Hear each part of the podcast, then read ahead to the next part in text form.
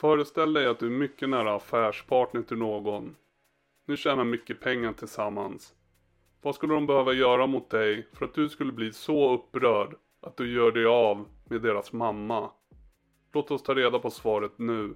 Hur går flyktingföräldrarnas barn till att till slut bli bosatt i ett litet mörkt, kallt och nordiskt land från att vara en pojke till att över 30 år senare växa upp till en man som finner sig själv mitt i gränsöverskridande politik och diplomati.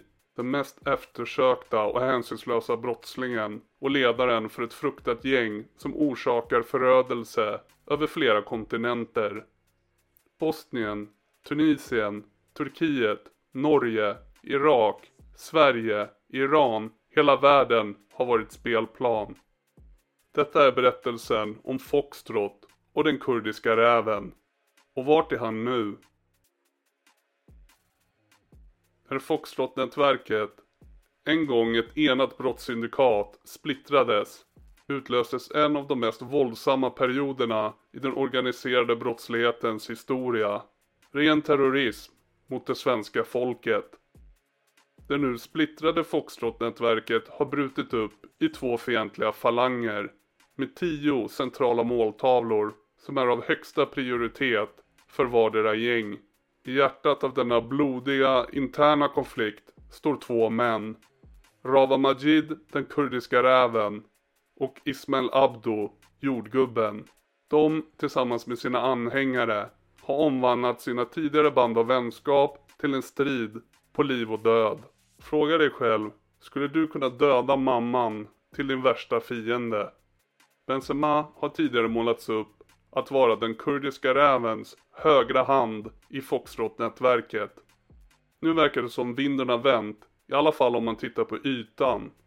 Har Benzema tagit avstånd från kurdiska räven och Foxtrot? Alla dessa frågor kommer ni få svaret på. Narkotikasmuggling, kidnappningar, mordbrand, misshandel, bombdåd, skottlossningar och falska dödsfall. Den här tragiska historien har allt. Vi vet hur våldsvågen startade. En konflikt med Dalenätverket om bland annat staden Sundsvall och regionens drogmarknad. Men det utvecklades snabbt till något helt annat som Sverige aldrig har skådat tidigare. Särskilt en man har en stark hand i vad som händer i Sverige sedan 2022. Vilket gör honom till en av de mest eftersökta männen i Sverige. Och kanske i världen. Den här historien är om Rava Majid, 37 år gammal. Mer känd som den kurdiska räven. Ledaren för Foxtrot-nätverket. Som namnet antyder så är Rava Majid av kurdisk härkomst och föddes den 12 juli 1986 i Iran. Hans föräldrar flydde när Iran och Irakkriget blev intensivt. Bara några månader gammal kom Rava tillsammans med sin familj till Uppsala. Uppsala är en mindre stad cirka 70 kilometer från Stockholm, Sveriges huvudstad. Rava klarade sig bra i skolan som liten. Efter att ha avslutat skolan och fyllt 18 år öppnade han egna små företag i Uppsala. Hans karriär inom kriminaliteten började dock inte långt efter. 2010 dömdes han till 8 år och 6 månaders fängelse för flera narkotikabrott. Detta inkluderade hantering av kokain som han importerade från Nederländerna. I februari 2015 fick han villkorlig frigivning i förtid. Han ägde en glasskiosk i Uppsala som han senare använde för penningtvätt. Den kurdiska rävens frihet var dock kortlivad. Bara månader efter frigivningen bröt han mot sin skyddstillsyn och fängslades ännu en gång. 2018 släpptes han igen och förbjöds att lämna Sverige. En av de kurdiska rävens kusiner, Shad, var ledare för Headshot-ligan, eller HSL, från Järvaområdet i Stockholm. Shad sköts ihjäl i sin bil i Barkarby 5 juni 2018. Året innan inträffade ett dubbelmord i Kista 2017 när ledaren för gänget Lejonen, då Merhavi, sköts ihjäl i sin bil tillsammans med en annan ung man den 8 mars. Chads bror, kurdiska rävens kusin, Lanko, dömdes för dubbelmordet. Efter Chads död spekulerades det till och med inom familjen, bland annat av Chads pappa, att den kurdiska räven på något sätt var inblandad i mordet på sin egen kusin. Av någon anledning, kanske av hot riktade mot honom, fick den kurdiska räven tillstånd att lämna Sverige. Han fick resa till sina föräldrars födelseland Irak och registrerade sig så småningom i sin mors födelseort, en stad i östra delen av Kurdistan i Irak. Kurdiska räven fortsatte där han slutade och började smuggla och sälja narkotika igen. Det var inte förrän 2020 som Kurdiska räven hade dykt upp på radarn som en stor narkotikasmugglare i Sverige. Efter att polisen lyckats hacka sig in i de krypterade chatttjänsterna han använde blev han en efterlyst man. Sverige, en av Europas rikaste nationer och var tidigare en av Europas fredligaste och lugnaste nationer. På senare tid har Sverige fallit till en aldrig tidigare skådad våg av våld. Under hela 2022 registrerades 391 skottlossningar och 2023 var inte annorlunda. Bara under september månad 2023 blev 11 personer offer för dödsskjutningar. Dessa gäng rekryterar unga pojkar i tonåren, några så unga som 13 år gamla, för att utföra uppdrag. Rawa Majid är mer känd som den kurdiska räven, ledaren för Foxtrot-nätverket. De centrala och viktiga medlemmarna kunde åtminstone tidigt identifieras genom deras gyllene rävringar och kedjor som de bär. Foxtrot-gänget fokuserade främst på att ta in stora sändningar av olika droger till Sverige för att sedan sälja dem vidare till andra gäng. De är nu också ökända för att de inte drar sig för att använda brutalt våld. Åtminstone sedan 2020 hade kurdiska räven total kontroll över Foxtrot-nätverket och dess verksamhet.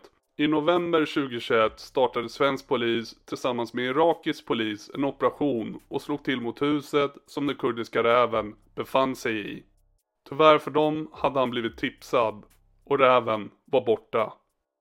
Den kurdiska räven verkar ha politiska kopplingar och kontakter i detta område av Irak, Kurdistan.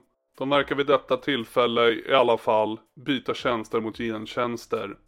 I mars 2022 flyttar han till Turkiet under ett falskt namn genom att köpa dyra fastigheter där och på så sätt lyckas han bli turkisk medborgare.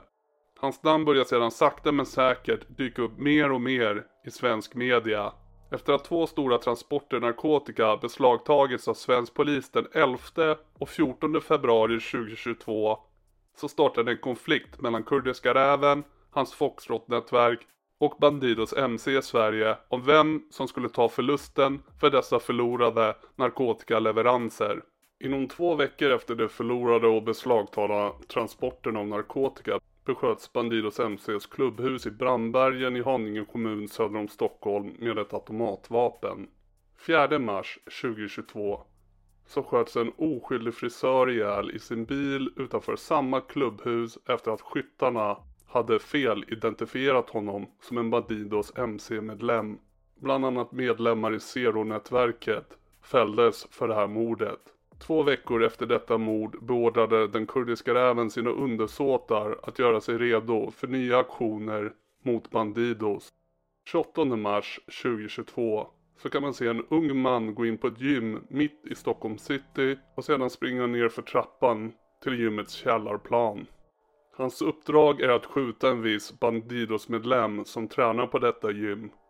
På väg att göra detta försökte en annan man inne på gymmet, Fredrik, en helt oskyldig man som var bekant med Bandidos-medlemmen, kliva in och stoppa den unge pojken. Flera skott avlossas sen inne på gymmet. På övervakningsbilder kan du se besökare springa upp för trappan i total panik. Man kan även se den påtänkta måltavlan, Bandidos-medlemmen, haltandes ta sig ut ur gymmet. Skytten sprang också upp för trappan igen och försökte till och med fly genom fel dörr innan någon guidade honom i rätt riktning. Fredrik som försökte hjälpa till dog av sina skador på sjukhuset några dagar senare.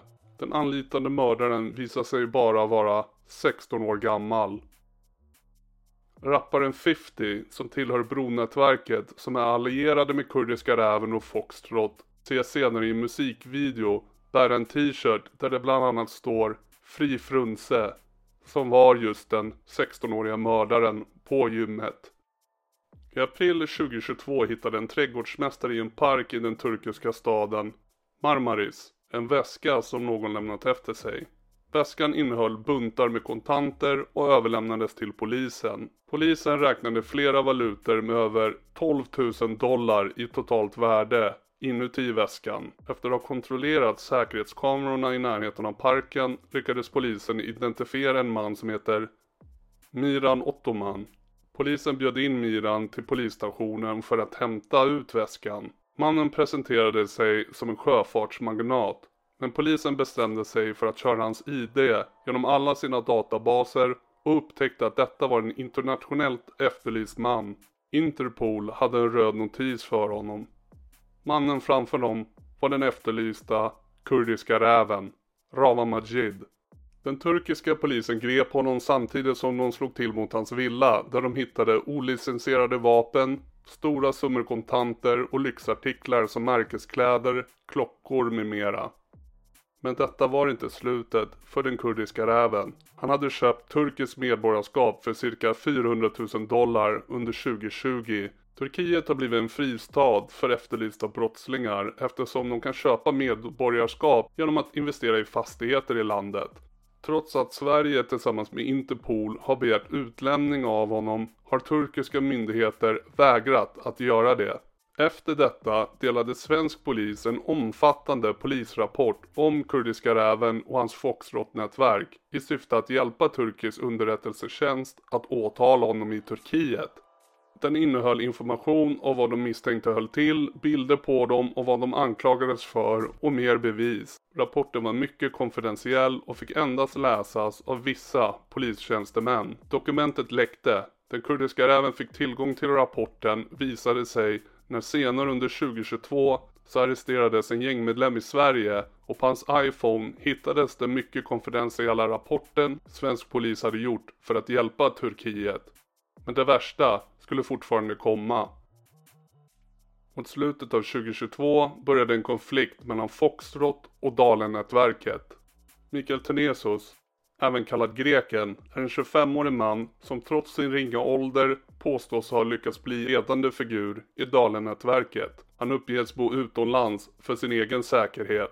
Polisen beskriver Dalen som ett kriminellt nätverk som bland annat har sitt ursprung och verkar i Enskededalen, men även i närliggande Skarpnäck och andra områden i Stockholm. De har även filialer i andra delar av landet, bland annat Sundsvall och Gotland. De ägnar sig åt narkotikahandel, våldsbrott, vapenbrott, utpressning etc. Att de är aktiva aktörer i våldsamma konflikter är också ett välkänt faktum genom bland annat polisens utredningar och underrättelser. Det faktum att medlemmar ofta bär skottsäkra västar är också en tydlig indikation på att de är i våldsam konflikt med andra brottslingar. Polisens uppfattning var att Mario Golzar, a.k.a. Super Mario, fram till nyligen var ledaren för Dalenätverket och deras olika områden. Han ska ha försett områdena och nätverken med stora mängder narkotika. Mikael Tenesos, eller greken, har dock troligen till stor del tagit över hans roll som ledargestalt.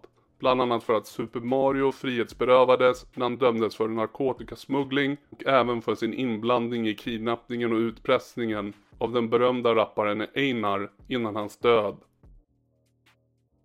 Rapparen Trife beskrivs som en högt uppsatt medlem inom Dalen-nätverket och han anses befinna sig strax under greken i hierarkin. Han ses ofta med resten av de äldre kärnmedlemmarna i gänget. En annan känd svensk rappare, Haval, anses också av polisen vara en högt uppsatt medlem inom Dalen-nätverket. Haval har redan avtjänat flera fängelsestraff, bland annat för rån i Norge, senaste gången för sin inblandning i kidnappningen av den nu avlidna rapparen Einar. Vi vet hur våldsvågen startade, en konflikt med Dalen-nätverket om staden Sundsvall och regionens drogmarknad. I mitten står KP, en 21-årig man som pekas ut som nyckelpersonen och den förlängda armen för Kurdiska räven och Foxtrot i området gällande konflikten i Sundsvall med Dalen-nätverket. KP har till en början varit en del av det lokala Dalen-nätverkets gruppering i Sundsvall. Sedan efter ett bråk med sina gamla vänner och Dalen bytte han lag och gick över till motståndarsidan, Kurdiska räven och Foxtrot.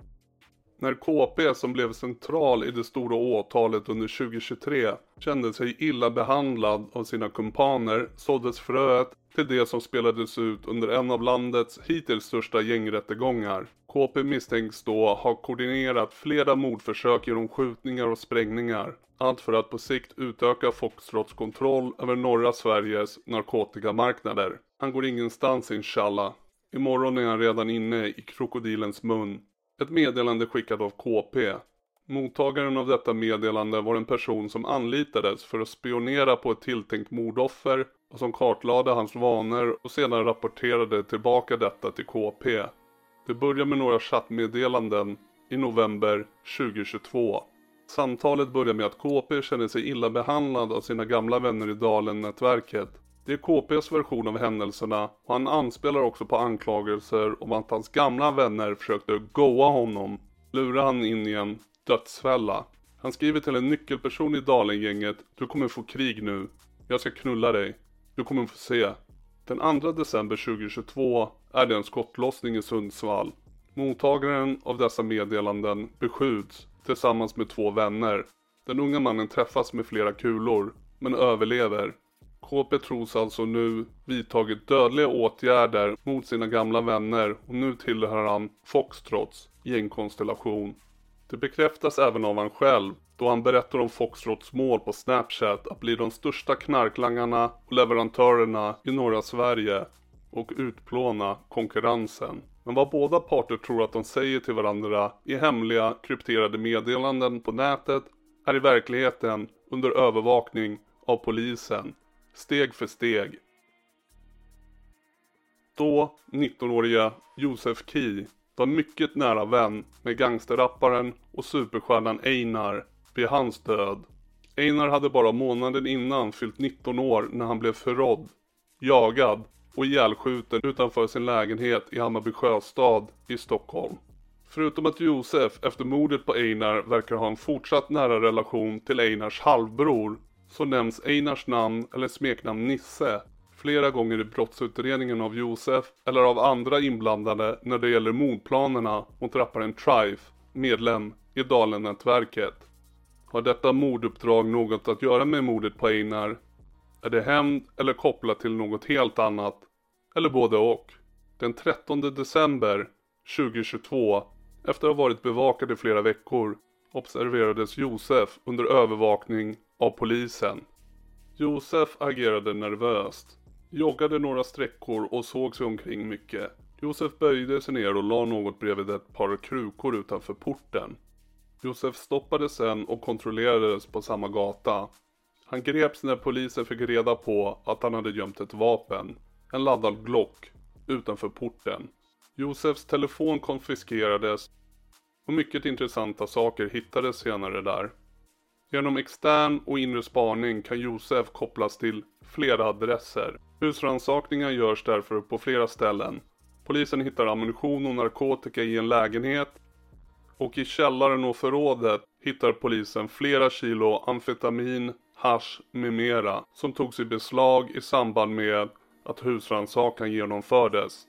Under detta kom Gasmend och en annan man gåendes mot byggnaden. De kontrollerades av polisen och togs in till förhör. Gasmend är samma man som har sitt namn på en lång fiende och dödslista skapad av Dalen-nätverket. Sju månader senare sköts Gasmend ihjäl på en balkong i Ulvsunda den 10 juli 2023.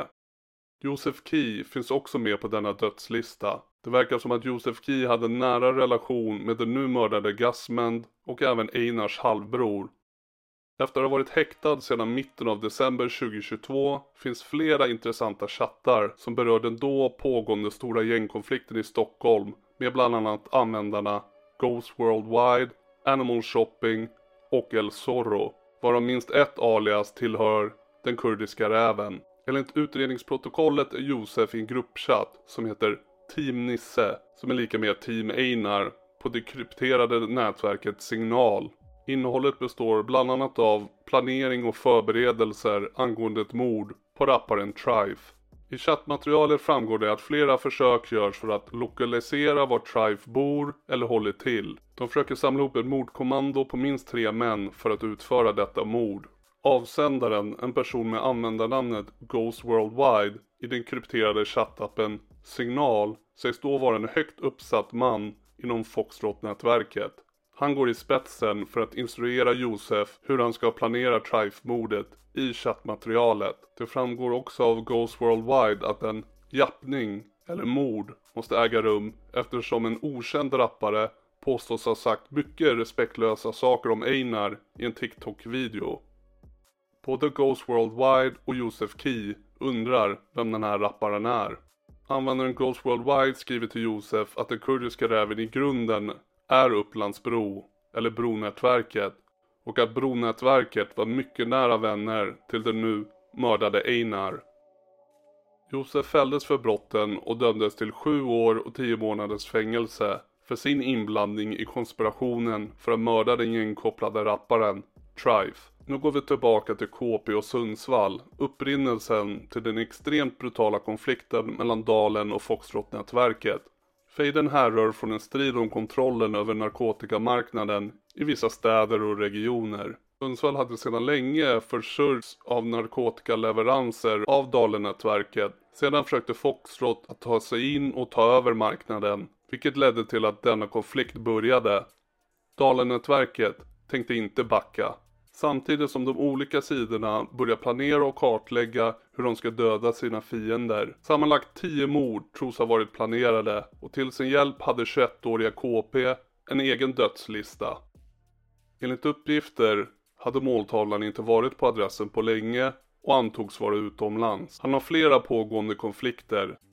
En hypotes var att han var inblandad i mordet på rapparen Einar bro det låter Bro jag står med star bro det låter De var barndomsvänner men hamnade på varsin sida av en konflikt. Gängmedlemmen och rapparen Dumle sköts ihjäl 25 december 2022 i Rinkeby. Dumle var med Einar när han sköts ihjäl i oktober 2021 och var även formellt misstänkt för att vara inblandad i mordet.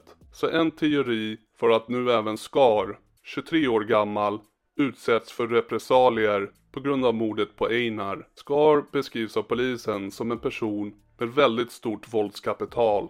Från början ansågs han vara en springpojke för Dalenätverket. Han var ganska snart ansvarig för säkerheten vid större möten och var den som var beväpnad vid dessa. Även att han verkade som Dalenätverkets ansvarige för att hantera och flytta gängets vapen. Snart stod det klart att han började agera som klivare eller förövare i våldsbrott. Något som han verkar tycka är tillfredsställande enligt polisen. Han ser sig själv som en sicario, lönnmördare. Skar har även agerat livvakt åt greken Mikael Tenesos, ledaren för Dalenätverket, både i Sverige men även när de har åkt och hållit till utomlands. Skar ska ha utfört våldsdåd, skottlossningar och mord för Dalenätverkets räkning, men även utfört uppdrag för betalning och gentjänster för andra nätverk som är nära allierade med Dalen. Till exempel 23 Street från Farsta. Polismyndighetens samlade bedömning är att SCAR ingår i ett kriminellt nätverk, Dalen, för organiserad brottslighet. Gar misstänks för att vara ett mål för attacker tidigt under konflikten med den kurdiska räven och Foxtrot. En handgranat kastas in i portuppgången där Skar och hans familj är skrivna. Utöver det är Skar även misstänkt för att vara en aktiv aktör i våldsdåd mot Foxtrot och deras allierade. Efter attacken mot Skar och andra i gänget är konflikten mellan Dalen och Kurdiska räven ett faktum. Flera skottlossningar och sprängningar riktade mot bostäder i Stockholm sker. Under de tidiga morgontimmarna nyårsafton 2022 ett hyreshus kopplat till rapparen Haval, medlem i Dalen-nätverket, får sin port sprängd av en bomb. Dalen-nätverket börjar sedan planera hämndaktioner mot den motsatta sidan. De rekryterar klivare och torpeder från hela Sverige som mot betalning ska utföra olika hämndhandlingar för deras räkning. Här är några av händelserna som polisen tror Dalenätverket ligger bakom. Polisen har bland annat jämfört namn och adresser på de som har blivit utsatta för brott mot en så kallad dödslista som de hittat på en gripen gängmedlems mobiltelefon. Det finns namn och adresser på personer som Dalenätverket vid den tiden ansåg vara på motståndarsidan och är deras fiender. 2 januari 2023 Tidigt på morgonen inträffade en explosion i Bagarmossen i södra Stockholm. Någon kastade in en handgranat i ett trapphus till ett flerfamiljshus med splitterskador som resultat. Tidigare nämnda Josef Key kopplad till Foxtrot-nätverket och hans bröder är skrivna på adressen. Josef Key finns på Dalenätverkets lista över fiender då han dömdes för mordplaner på Dalenätverkets rappare Trife. En 18-årig rappare från Huvudsta i norra Stockholm som var signad till ett skivbolag som kontrolleras av Dalenätverket befinns skyldig och döms till fem års fängelse för att kastat handgranaten. 5 januari 2023. En handgranat kastas in i ett flerbostadshus i Farsta söder om Stockholm. Där bor en person på dödslistan. Konflikten mellan Dalen och Foxtrot eskalerar rejält. Den 12 januari 2023, strax efter klockan 04 på morgonen, blir en dörr och fasaden på ett flerfamiljshus i norra Stockholm sprayat med kulor. Det är en attack mot greken och är en adress han är kopplad till. 14 januari, på lördagsmorgonen upptäcktes skotthål i en lägenhetsdörr i Märsta. Ännu en attack mot greken. 16 januari klockan 19.38. En skottlossning äger rum i norra Stockholm i Hagalund på NBA-gängets hemmaplan. En då 21-årig rappare hittas på platsen liggandes med skottskador. Enligt uppgifter sköts offret bakifrån. Han sköts med flera skott och fördes till sjukhus med allvarliga skador. Nu 22-åriga rapparen LeBlockboy, som då tillhörde NBA-gänget från Hagalund, skjuts med flera skott och skadades allvarligt. Men han överlever mordförsöket. Rapparens namn fanns med på dödslistan Enligt uppgifter skedde detta på grund av en intern splittring inom NBA-gänget där de tog olika sidor i Foxtrot och Dalengäng-konflikten. 17 januari. På tisdagsmorgonen skadades en restaurang på Södermalm i Stockholm av en kraftig explosion från en sprängladdning. Restaurangen är kopplad till släktingar till greken. 18 januari. En ny bomb placeras och en explosion inträffar dagen efter, på onsdagsmorgonen. Denna gång vid en företagsfastighet i Kista i nordvästra Stockholm. Denna attack är också riktad mot greken. Tidigt på morgonen den 18 januari går greken själv in i diskussion med KP från Sundsvall. Först försöker han övertala KP att inte köra med kurdiska räven. Tror du räven bryr sig om din familj? Frågar han i chattkonversationen. Det här handlar om att du går med räven mot mig. Du ger dig in i något som inte kommer sluta bra. KP svarar på detta meddelande genom att skriva Vi kommer att kriga med er på gatan. Men eftersom vi inte kan hitta er för ni gömmer er måste vi locka ut er, era horungar. Detta gör greken förbannad. Greken skriver tillbaka att KP snart kommer gråta blod och att även anhöriga och familj är i fara på grund av KPs val. Räven har bara 15-åringar. Jag har snipers. Riktiga mördare. Du kommer bli jagad för resten av ditt liv. Du är död. Strax därefter kan polisen följa hur KP misstänks ha planerat ett mord på en medlem i Dalen. 21-åringen och Foxtrot-gänget förlitar sig på att använda och anställa frilansare. Främst mycket unga män och tonåringar från andra delar av landet för att hjälpa dem med våldsamma attacker.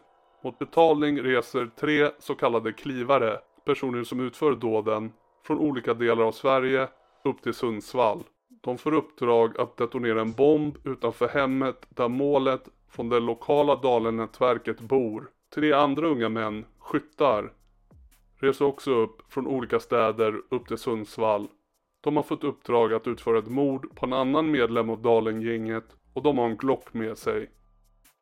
Slutligen reser två bombexperter från Stockholmsområdet upp till Sundsvall som tidigare har hjälpt dem för att förse Foxtrot-nätverket med sprängämnen. Spräng hela hans horbalkong, skriver aliaset Hamado från nätverket Foxtrot. Under planeringen kommer de inom Foxtrot överens om att ungarna ska utföra dådet. Det framstår som uppenbart i utredningen att det är en uttalad strategi att använda minderåriga som soldater. De lockas antingen med status, pengar, luras eller hotas att ta sig an dessa uppdrag medan vissa ungdomar aktivt söker frilansuppdrag. De vill göra detta. KP är väldigt tydlig med att man inte kan backa när man väl har sagt ja till ett uppdrag. När det framkommer att flickvännen till ett av de tilltänkta offren ska vara i bostaden som ska attackeras får gärningsmännen följande order från KP. Döda henne också om du måste. Det är inte ett problem. 21-åriga Waffe är en lokal rappare i Sundsvall och även en högt uppsatt medlem i det lokala Dalenätverkets Falang i staden. Vid ett tillfälle försöker KP använda en äldre kvinna för att locka ut sin tidigare vän Waffy så han kan skjutas ihjäl. Men KP kommer inte längre än att planera. För den 26 januari förändras allt. Fram tills dess har polisen följt varje steg i planeringen och timmar före attackerna slog polisen till mot ett antal bostäder och fastigheter i Sundsvall. Polisen hittar bland annat termosbomber, automatvapen och pistoler. Flera av de nu över 20 åtalade greps där. KP själv nekade till alla anklagelser och hävdar att mobiltelefonen och chattarna kopplade till honom, som är polisens största bevis mot honom, är inte hans. Och även i böcker som har lånat har hittats lappar där det står Ingen kommentar hela vägen. Till synes en uppmaning till andra häktade att de inte ska svara på polisens frågor. 19 januari 2023. Tre incidenter äger rum under samma dag. Flera skott avlossas mot en lägenhet i Farsta i södra Stockholm. Flera skott avlossas även mot en lägenhetsdörr i Husby i norra Stockholm. På dödslistan står adressen i Husby som Foxy far, a.k.a. den kurdiska rävens pappa. Även en skjutning mot ett hus äger rum i ett mindre exklusivt kvarter utanför Uppsala. Måltavlan i huset står på dödslistan med adress och namn.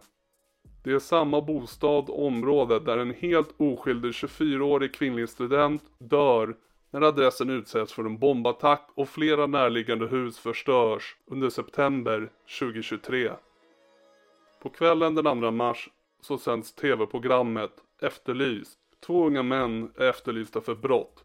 De är misstänkta för att ha utfört skottlossningen den 19 januari. Drive-by-attacken riktad mot släktingar till den kurdiska räven. Bostaden beskjuts från en bil med automatvapen. TV-programmet publicerade misstänktas namn och bilder. Några timmar senare knackade på dörren till ett hus i Tullinge, söder om Stockholm. En man i 50-årsåldern, pappa till en av de eftersökta unga männen, bor där med sin familj. Han öppnar dörren och blir genast skjuten med flera skott. En stund senare är han död. Serdar, offret, tros ha dödats enbart för att han var far till den 25-åriga mannen som enligt polisen sköt mot släktingarna till kurdiska räven. En snabb och brutal hämnd. Januari 2023. En handgranat kastas in i trapphuset till ett lägenhetshus i Skarpnäck i södra Stockholm. De kan också hittas på dödslistan med angivna lägenhetsnummer. Under de första 26 dagarna av 2023 hade det redan förekommit minst 13 bombningar och en skottlossning varje dag. Explosioner, skottlossningar, mordbränder och annat överdrivet våld. Det senaste året har svenska nyheter dominerats av sådana rubriker och gängvåldet har tagit ett aldrig tidigare skådat grepp om Sverige. Enligt polisuppgifter från 2023 etablerades Zero-nätverket strax före 2020 och härstammar från Jobro som ligger på södra sidan av Stockholm. Denna stadsdel har varit hem för många ökända brottslingar genom historien. De blev till sist allierade till Foxtrot-nätverket. Foxtrot-nätverket leds av den kurdiska räven. Enligt svensk polis organiserade Foxtrot-nätverket storskalig narkotikasmuggling till Sverige för bredare spridning både inom Sverige och utanför dess gränser. Kokain, cannabis och annan narkotika är ofta märkta med rävsymboler. Till en början trodde polisen att den kurdiska räven enbart var inblandad i narkotikasmuggling.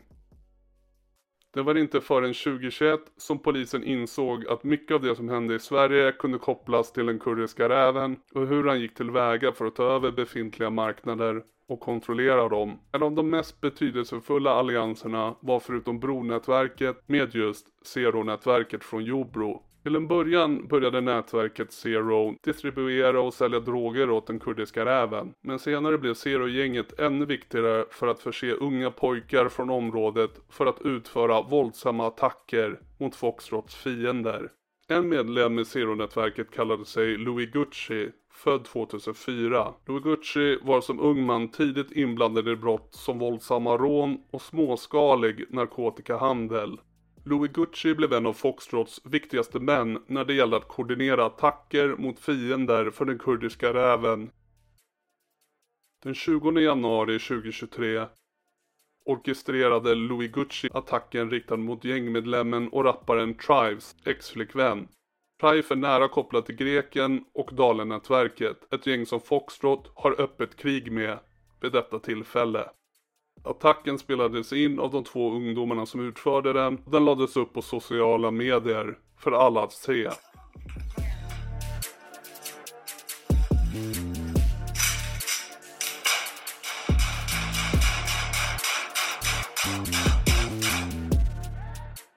Det var Louis Gucci som rekryterade två 14-åringar för att begå attacken. Försåg dem med skjutvapen och instruerade dem i detalj vad de skulle göra via sms. Bara en dag senare, den 21 januari 2023, filmade ett ögonvittne något som hände mitt på ljusa dagen i Enskededalen, basen och hemmaplan för Dalen-nätverket. En ung man springer för sitt liv mellan husen i grannskapet medan han jagas av två unga pojkar, varav en bär ett automatvapen och skjuter mot den unga mannen. Den unga mannen som det sköts mot var en slumpmässig 20-åring. De två pojkarna som jagade och sköt mot offret var två 15-åringar från området Jobro, som tillhör Zero-nätverket. De hade fått instruktioner från Louis Gucci att döda någon som ser ut som en gängmedlem. Exempel på personer som antingen bär en Gucci-keps eller en dyr märkesjacka gav som beskrivning. I princip skjut någon du tror kan vara medlem i Dalen-nätverket.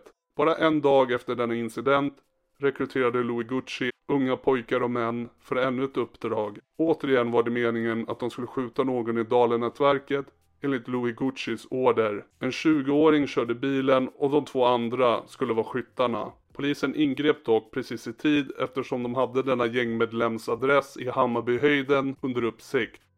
Polisen försökte stoppa bilen, men de misstänkta försökte fly. Efter en kortare biljakt kraschade de misstänktas fordon i Gullmarsplan-rondellen. Alla tre fångades så småningom och skjutvapen hittades i bilen. Och polisen misstänkte att de precis hade stoppat ytterligare ett mordförsök från att ske. Kort efter denna händelse arresterades Louis Gucci. 26 januari 2023. Explosion vid en fastighet i södra Stockholm där ett företag har sina lokaler. En person på dödslistan är målsägande i detta mål. 27 januari. En explosion vid porten till ett flerfamiljshus i Akalla i norra Stockholm. En adress kopplad till rapparen 50 från Upplandsbro och gängmedlem i Bronätverket. Allierade med Kurdiska räven och Foxtrot. Flera andra gripanden beslagtog polisen flera mobiltelefoner. Genom att undersöka dessa mobiltelefoner kunde de få insikt i ett nät av tusentals signalmeddelanden som avslöjade hur dessa attacker orkestrerades. Denna inhämtade information ledde till att Louis Gucci anklagades för att ha hjälpt till med att koordinera en annan attack. Ett mord som ägde rum på en sushi-restaurang den 28 januari 2023 i Skogås på södra sidan av Stockholm. Polisen larmades om en skottlossning som hade ägt rum i en liten men fullsatt restaurang. Offret var en 15-årig pojke som sköts i ansiktet av en annan 15-årig pojke som inte kände offret överhuvudtaget. Trots att Louis Gucci redan satt i fängelse dagar innan den här händelsen ägde rum var han en av de huvudmisstänkta eftersom meddelanden visade att han dagarna före mordet frågade vad måltavlan höll till och om någon hade extra information om honom. Han friades dock från dessa anklagelser i rättegången. Motivet för mordet på den 15-åriga pojken var hämnd. 15-åringen ska ha varit inblandad i en skottlossning mot en av familjemedlemmarna till den kurdiska räven. Nästan omedelbart efter den händelsen planerades vedergällningen. Louis Gucci dömdes slutligen till 18 års fängelse för sin del i dessa tidigare nämnda attacker Skytten, nu 16 år, men vid tiden för brottet var han bara 15 år gammal, fälldes för mordet men på grund av sin ålder fick han maxstraffet på 4 år. Han fick betalt 100 000 kronor för att utföra mordet. Dessa unga pojkar begår dessa grymma handlingar för relativt små summor pengar. För dömda skytten och mördaren Sicke räckte pengarna mer än nog för att tacka ja till jobbet och efteråt flexa med pengarna. Han hade tagit flera bilder på sig själv och visade upp buntar med kontanter. Övervakningsfilm från NKs varuhus i centrala Stockholm visar hur Sicke dagarna efter mordet med kontanter köper en helt ny moose och nya skor till sig själv. Rapparen Adoli närvarade vid Sickes rättegång och blev även utslängd därifrån. 29 januari 2023. En explosion i trapphuset till ett flerfamiljshus i Bro i norra Stockholm. På adressen står rapparen Mowgli och hans bröder från Bronätverket skrivna. Åklagare väcker åtal mot nio personer som misstänks för att på olika sätt ha bidragit till allmänfarlig förödelse och förstörelse genom bomber och explosioner i januari 2023. De åtalade var alla män och var vid tidpunkten för gärningarna mellan 17 och 30 år gamla. Alla händelser är kopplade till konflikten mellan Dalen och Foxtrot-nätverket. Den så kallade bombtillverkaren för Dalensidan av konflikten greps när sprängämnen hittades vid en husrannsakan i hans lägenhet i Kungsängen i norra Stockholm i slutet av januari 2023. Rapparna Haval och Trife kopplas av polisen och anses vara högt uppsatta medlemmar i Dalen-nätverket. Rapparen Pekinho, vars riktiga namn är Amin från gänget 23 Street, är också misstänkt inblandad i bombningarna. 23 Street-gänget är nära allierat med Dalen-nätverket och har vid ett tillfälle ansetts vara samma gäng av polisen. Medan rapparna 50 och Mowgli från Upplandsbro tillhör Bronätverket och är allierade med Kurdiska Räven och Foxtrot-nätverket. Något man tydligt kan se i deras musikvideor.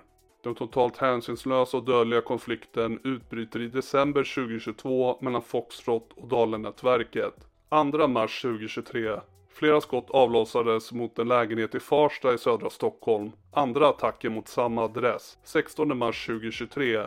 Någon häller ut brandfarlig vätska och tänder eld i trapphuset i ett lägenhetshus i Skarpnäck. Andra attacken mot samma adress. Samma dygn sker en enorm explosion och någon spränger entrén till ett hus i Hässelby i västra Stockholm.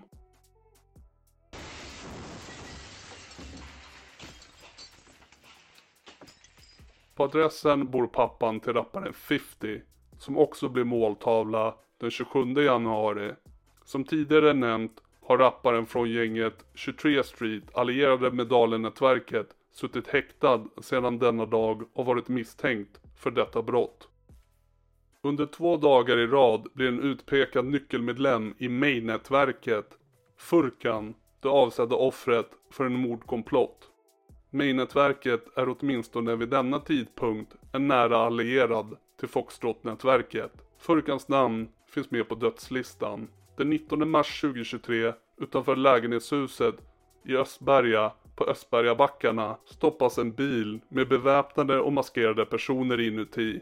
Tre unga män från Linköping, ett mordkommando, arresteras och döms senare till fängelse. Furkan lockades dit för att komma och titta på en lägenhet där mordkommandot väntade på att han skulle komma så de kunde skjuta ihjäl honom. En falsk mäklare användes för att lura dit en ovetande Furkan.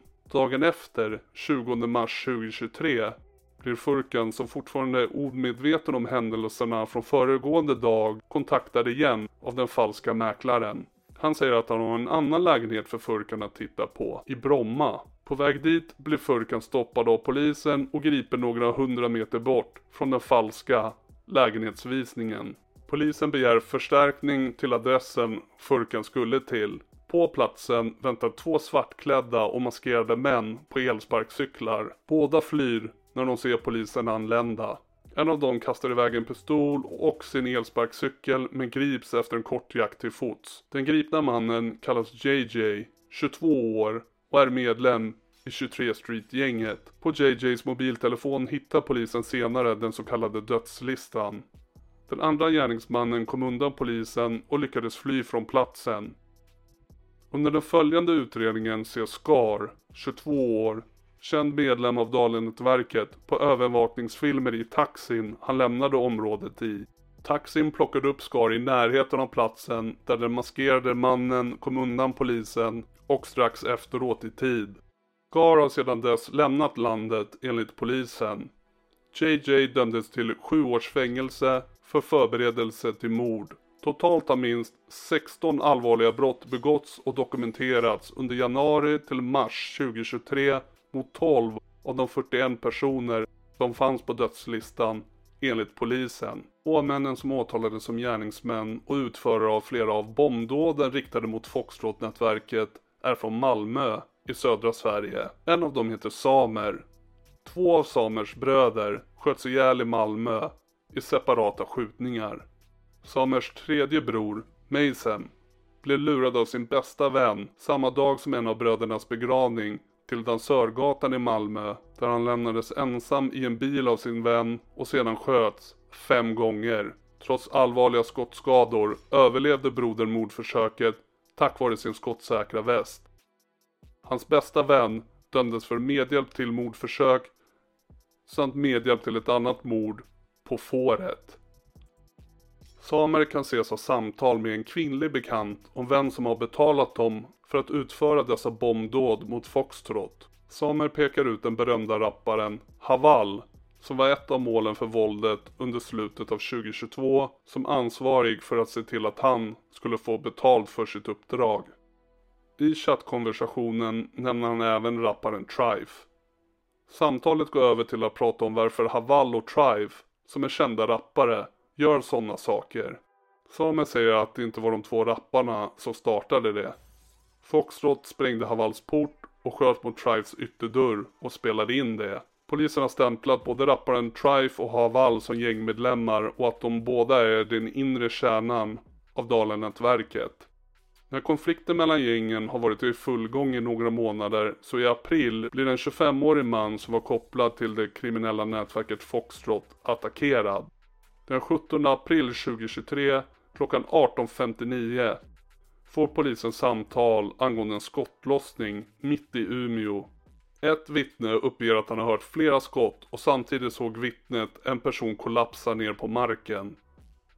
Patrik hittas sedan skjuten med flera skott. I samband med händelsen observerar flera ögonvittnen och filmar en person som lämnar brottsplatsen på en elsparkcykel i östlig riktning. Offret har blivit skjuten med tre skott. Några timmar efter händelsen greps Oliver och Liam samt tre kvinnor för misstänkt inblandning i skjutningen. Skytten Liam och Oliver poserar för en bild 33 minuter efter Liam skjutit offret tre gånger och lämnat honom att dö. De kopplas till det lokala Dalenätverket Falangen i Umeå och anses ligga bakom skjutningen. Rättegången pågår till december 2023. Offret överlevde mordförsöket men i september 2023 greps han själv av polisens insatsstyrka. Offret, Patrik, döms till två års fängelse av tingsrätten för grovt narkotikabrott. Skjutningen av Patrik i Umeå har polisen pekat ut en 23-årig man som hjärnan bakom mordförsöket i Umeå. Han misstänks för anstiftan till mordförsök och synnerligen grovt vapenbrott. Det handlar om en organiserad verksamhet där de vill kontrollera drogmarknaden i norra Sverige. Oliver besöker John, alias Don Svensson, den påstådda hjärnan bakom allt vid minst ett tillfälle i Spanien före mordförsöket. På en bild i förundersökningen kan man se att John har publicerat en bild på sig själv där han förolämpar den kurdiska räven och Foxtrot. Det finns flera bilder från Olivers vistelse i Spanien på hans telefon. Det finns bland annat bilder på ett möte med John Robbel och rapparen Waffy från Sundsvall från samma tillfälle. Rapparen Waffy är kopplad till Dalenätverkets lokala och allierade gäng i Sundsvall. Sundsvallsområdet har inte varit lugnt sedan den stora insatsen i januari 2023. En incident den 9 juli visade sig vara en fortsättning på gängkriget då två tonårspojkar hittades allvarligt skadade Tonårspojkarna hittades på söndagskvällen blödande och svårt skadade efter att de sökt hjälp i en villa i Sidsjö i Sundsvall. En 20-åring från Sundsvall är både misstänkt och brottsoffer i samma mål. Precis som vid det stora polistillslaget i vintras är det han som enligt misstankarna var måltavla för en planerad skjutning. 12 personer ställs inför rätta efter gänguppgörelsen i Sidsjö i Sundsvall. Tre misstänks för förberedelse till mord, 8 för människorov och 6 för försök till mord. Enligt polisens utredning planerade Foxtrot återigen att en av Dalens män i Sundsvall skulle dödas. Det handlar om en 20-åring som under flera år tillhört toppskiktet i Dalenätverkets Sundsvalls falang. Han tillhör också fortfarande de misstänkta för den ännu ouppklarade dödsskjutningen i Sundsvall i december 2020 när en 33-årig man sköts ihjäl med flera skott. Tre unga skyttar 14, 15 och 16 år hade rekryterats av Foxtrot-sidan för att döda 20-åringen. En 24-årig Karlshamnsbo med Sundsvalls förflutet hade ordnat med bostad åt dem. Men snacket och planerna började gå i de kriminella kretsarna och till slut nådde uppgifterna måltavlan själv.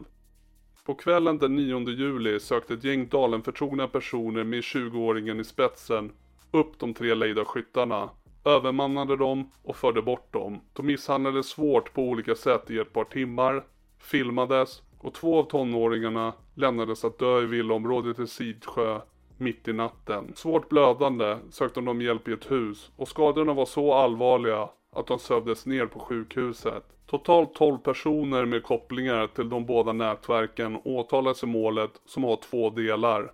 Det handlar bland annat om förberedelse till mord å ena sidan och mordförsök med mera å den andra. Den underåriga av de tre lejda skyttarna, som alltså inte fyllt 15 år än, är brottsmisstänkt men åtalas inte på grund av sin låga ålder. 21-åriga rapparen Waffy var ett av målen som skulle mördas i vintras. Men han är nu åtalad för bland annat mordförsöket på de två pojkarna i Sidsjö. KP var den centrala figuren i det tidigare åtalet 2023 sedan han lämnade sina tidigare vänner för att bli lojal med Foxtrot-gänget.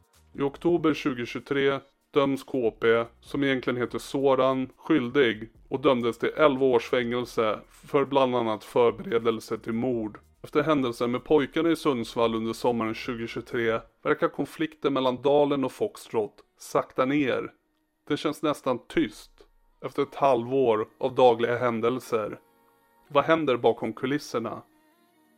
Förutom de många fiender som kurdiska räven har skapat i andra gäng och nätverk började det även ske interna och personliga konflikter inom Rawa Majids egna Foxtrot-nätverk under sommaren 2023. Tvister och meningsskiljaktigheter på insidan av Foxtrot-gänget startade av olika anledningar. Medlemmarna började vända sig mot varandra. Ismail Abdo, 33 år, alias Jordgubben, var en gång nära den kurdiska räven. 33-åringen kommer från en mycket välbärgad släkt. Han har stora pengar bakom sig. Kurdiska räven och jordgubben har arbetat nära varandra de senaste åren och de känner till varandras svagheter. De vet var den andra släktingar bor och svaga punkter finns. Efter flera våldsamma aktioner mot varandra utomlands, kidnappningar, rån, misshandel och skottlossningar skedde en skjutning i en stadsdel i Istanbul den 6 september. På övervakningsfilmer kan man se att två män anländer på en moped och en av dem hoppar av och skjuter flera skott mot fem personer. Dessa fem personer skjuter i sin tur tillbaka. Ingen skadades allvarligt, men insatserna höjdes. Följande händelser de kommande 30 dagarna verkar komma direkt ur en film. I Sverige Följande dag efter skottlossningen som omedelbar hämnd så sköts Ismail Abdos mamma, en kvinna i 50-årsåldern, ihjäl i sitt hem i Gränby, ett område i Uppsala. Av uppenbara skäl skjuter intensiteten och brutaliteten i denna konflikt i höjden efter detta. Bombdåd och skottlossningar i Sverige och utomlands sker dagligen efter detta. Några dagar efter mordet på jordgubbens mamma sker en skottlossning riktad mot Rawa Majids svärmor En okänd angripare skjuter flera skott utifrån in i den kurdiska rävens svärmors hem. Sedan två dagar efter skottlossningen sköts en man utan koppling till konflikten ihjäl i trapphuset till sin lägenhet tidigt på morgonen i Uppsala. Den unga mannen som var på väg till jobbet var på fel plats vid fel tidpunkt. Den tilltänkta måltavlan var en familjemedlem till den kurdiska räven som bodde i samma lägenhetshus. Den 11 september 2023 skördade gängvåldet i Sverige ett av sina hittills yngsta offer. Kvarlevorna av en 13-årig pojke hittades i ett skogsområde i Haninge på södra sidan av Stockholm. Pojken hade anmälts försvunnen ett par dagar tidigare. Den unga pojken hade påstådda gängkopplingar, varav en var till Foxtrot-nätverket innan den interna splittringen. Under sommarmånaderna före denna incident hittades kvarlevorna av, av Mohammed och Leith i norra och södra Stockholmsregionen. Båda pojkarna var 14 år gamla och hade brutalt mördats. Polisen och media spekulerade i att båda pojkarna som var kompisar med varandra sålde vidare vapen som de fått från Foxtrot-nätverket. När de inte kunde hämta tillbaka vapnen var ledarna för Foxtrot ute efter att göra dem till ett exempel och eliminerade de båda. Inget annat land i Europa har sett något liknande i modern tid. Trots att Sverige har brottats med gängvåld i åratal så är det här utbrottet av skjutningar och bombdåd i september 2023 oerhört brutalt. Tre personer mördas bara inom 12 timmar på grund av gängvåld och dessutom inom samma konflikt. Sveriges förlegade och naiva lagar är inte designade för brutala gängkrig och barnsoldater. Den kurdiska räven är fortfarande på fri fot. Eller? Han är i alla fall ur händerna för svenska myndigheterna. För stunden. Medan Louis Gucci sitter i fängelse för att ha följt order från den kurdiska räven så har den interna konflikten inom Foxtrot-nätverket ägt rum ett halvår senare. Till exempel var Foxtrot en gång nära det så kallade Zero-nätverket. Men när internkonflikten pågick beslutade Zero-nätverket att ta Ismail Abdos, jordgubbens sida. Det dröjde inte länge innan Benzema, eller Mustafa, som då fortfarande var medlem i Foxtrot, också blev en måltavla. 25 september, strax efter klockan nio på kvällen, exploderade i trapphuset i en lägenhetsbyggnad i Hässelby och denna explosion var mycket kraftfull. Den var gjord och placerad med avsikten att orsaka allvarlig skada på den riktade lägenheten och eventuellt även de personer som befann sig där inne. Tre personer blev skadade och fördes till sjukhus.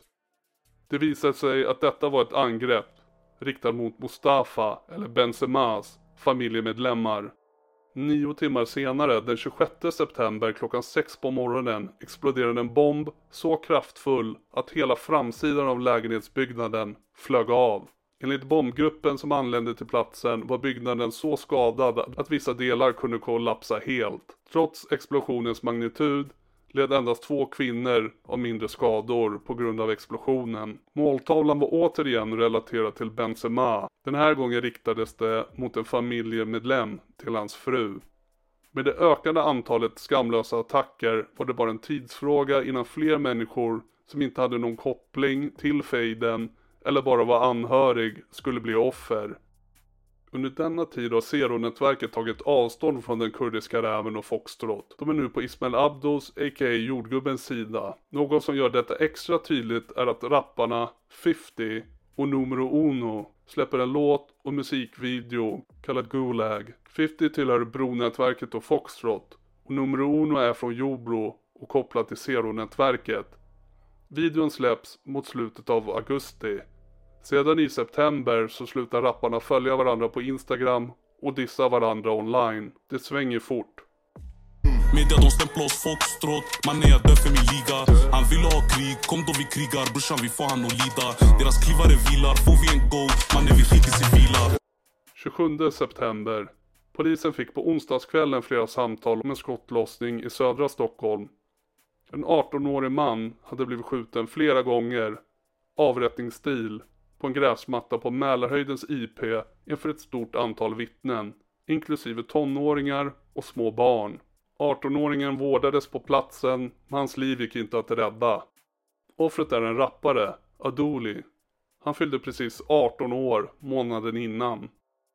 Enligt uppgifter var rapparen kopplad till Foxtrot-konflikten och han var tydligen på den kurdiska rävens sida. Skotten var avsedda för rapparen. Rapparen skrev bland annat på sin Instagram Free Sicke, en referens till 15-åringen som dömdes för att ha mördat en 15-åring inne på en sushi-restaurang i Skogås i januari 2023. Adoli förekom även på bilder i förundersökningen för mordet. Mordet på rapparen filmades även av en av gärningsmännen. Videon avlossar skott från flera män som sitter inne i en bil.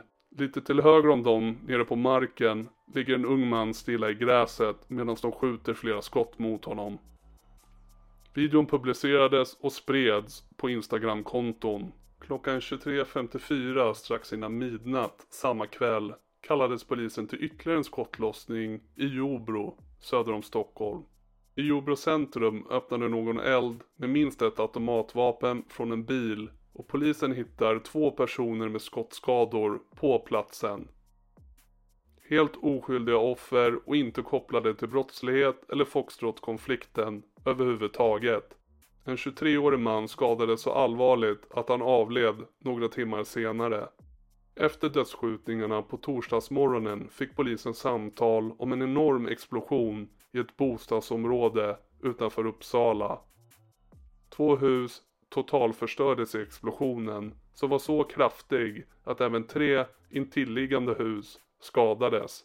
En 24-årig kvinna, en student som bor i ett grannhus, skadades allvarligt av explosionen och hon dör av sina skador.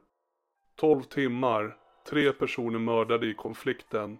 Den bombade adressen i Uppsala har tidigare uppmärksammats när samma hus beskjutits med ett automatvapen från en bil i januari 2023 mitt i den dåvarande vågen av våld mellan Dalen-nätverket och Kurdiska rävens då intakta Foxtrot-nätverk.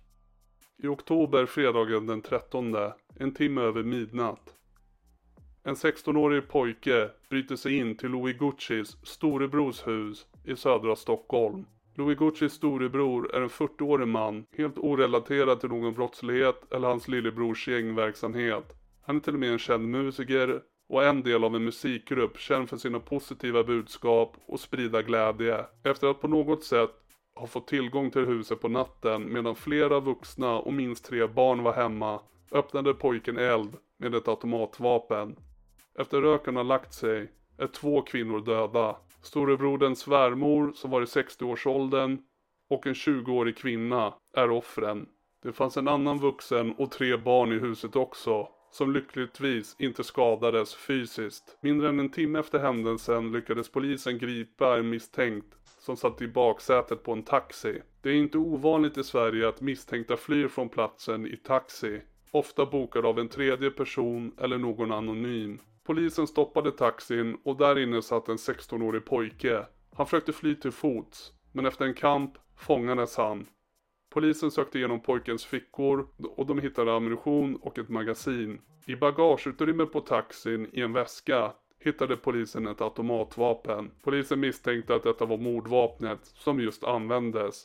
Den gripna misstänkta, en 16-årig pojke från Linköping, blev senare även misstänkt för ytterligare ett mord bara 24 timmar tidigare med ett mycket liknande tillvägagångssätt. Den 16-åriga pojken misstänks ha skjutit ner en pappa inne i sitt hem i en skottlossning mitt i natten efter midnatt den 12 oktober i Västberga. Mannen avled av sina skador. Mannens fru och barn fick också skottskador under händelsen. Offret kunde inte kopplas till någon kriminell verksamhet. Han delar däremot samma efternamn som en gängmedlem. Söndagskvällen den 15 oktober meddelade en känd svensk rappare, 50, känd för sina gängkopplingar till Brodnätverket och Kurdiska räven, att han skulle ha en Instagram live. Detta skulle ske klockan åtta på kvällen svensk tid och en särskild hemlig gäst skulle dyka upp. Många trodde att det skulle vara den kurdiska räven. I samma veva och vecka med alla mord, skottlossningar och bombdåd går det ett rykte, särskilt online och i media, att den kurdiska räven har arresterats utomlands, i Iran. Och att hans så kallade högra hand i Foxtrot, en man som kallar sig Benzema, är nu död. Det ska ha funnits ett stort pris på Mustafas eller Benzemas huvud. Enligt dessa rykten orkestrerade jordgubben att Benzema arresterades och sedan dödades i Irak. En kort video cirkulerade på nätet som visade en blodig man sittandes i förarsätet i en bil. Denna person verkar ha blivit ihjälskjuten. När Benzemas vänner började lägga upp Instagram och Snapchat stories innehållande vila i frid och bilder på Benzema verkade ryktena stämma. 15 oktober 2023. Rapparen 50 går live på Instagram. Efter en halvtimme av att spela lite ny musik som ska släppas avslöjade rapparen och hans vänner som satt i en bil att gästen hade gått med i liven. Gästen var ingen annan än Mustafa, a.k.a. Benzema, vid liv. Han satt ner på en stol och poserade med en guldfärgad AK47 och det fanns tre maskerade män med automatvapen som poserade som livvakter. Benzema hävdade att 300 män vaktade hans hus. Benzema gjorde flera intressanta uttalanden under liven.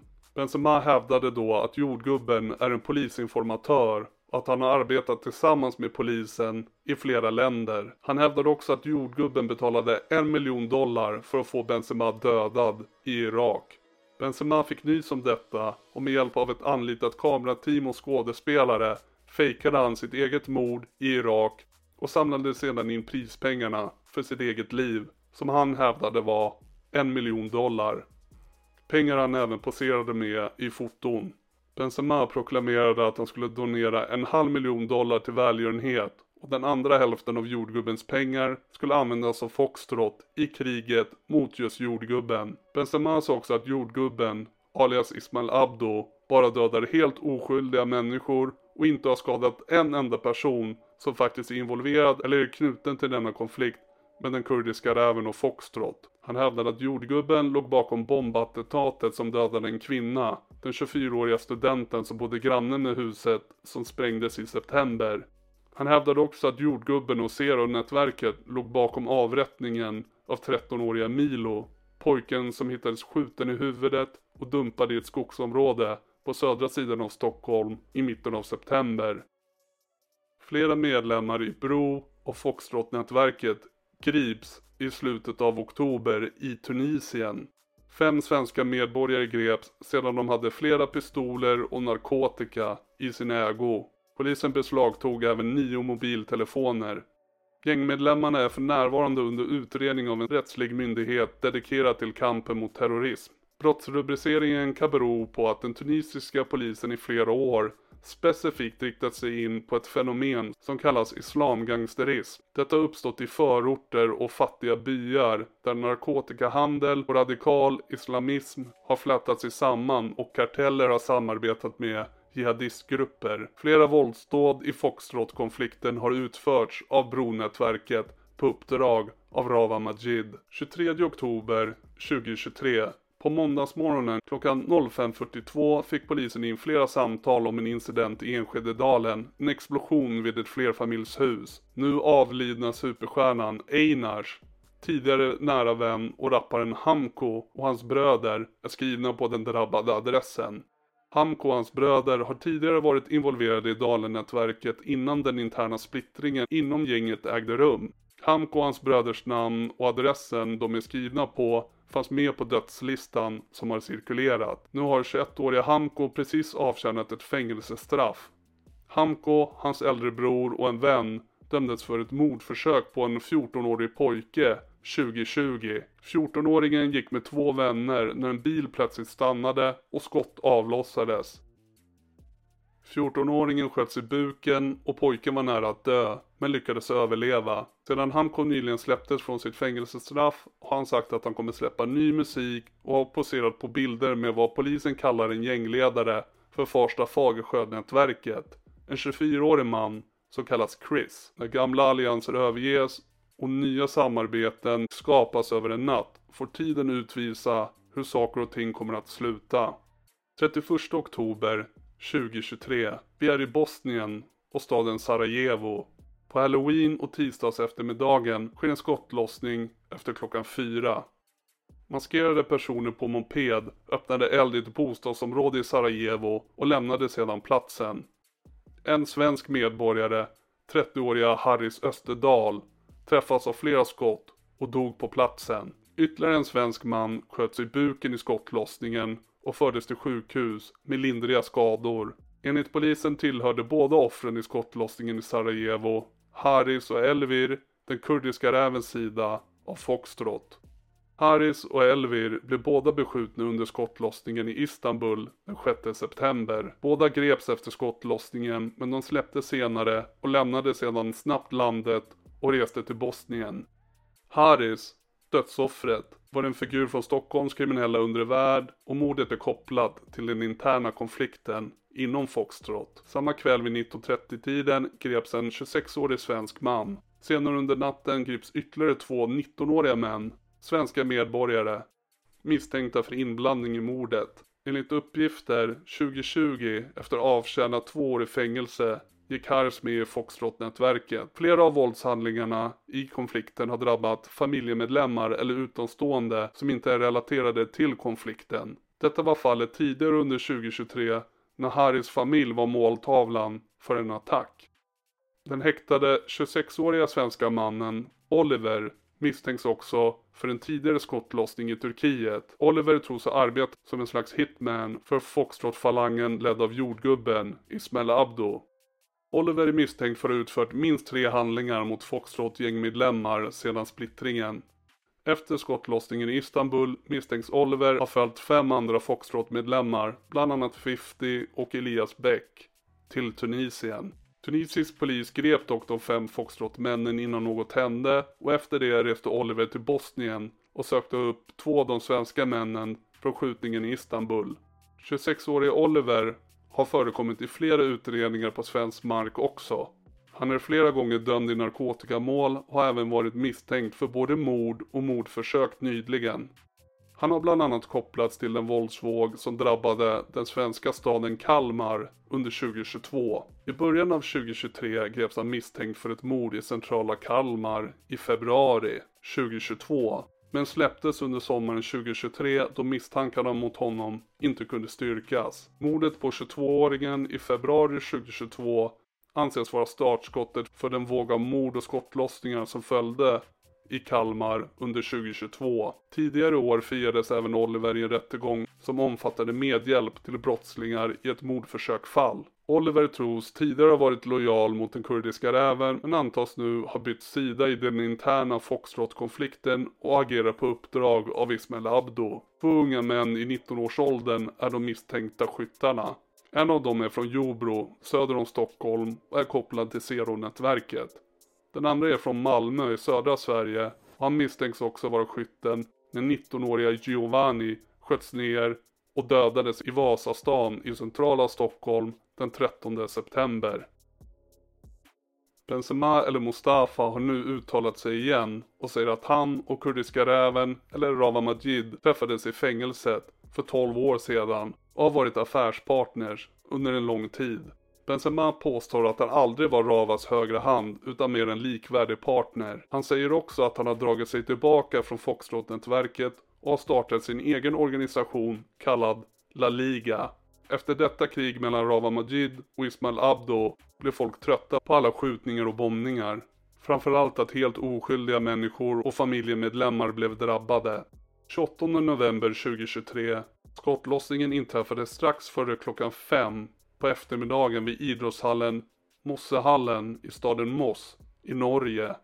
Minst 7-8 skott ska avlossas på platsen. Den skjutne var en svensk medborgare. Polisen sökte minst två gärningsmän som ska ha lämnat platsen i en mörk bil. Offret, en 33-åring, träffades av flera skott och hans tillstånd beskrevs som allvarligt men läkarna trodde att han skulle överleva mordförsöket. Mannen är folkbokförd i Stockholmsområdet och 2022 fick han ett strafföreläggande för ringa narkotikasmuggling. Innan dess är han dömd för bland annat narkotikabrott, misshandel, stöld och även dömd för en rad brott i Norge. Enligt uppgifter är han kopplad till Foxtrot-nätverket. Eftersom detta utspelar sig i realtid, vem vet vad ödet blir för den kurdiska räven och Foxtrot-nätverket? Vad tror du? Följ oss på Instagram på at Crime Sweden Investigators.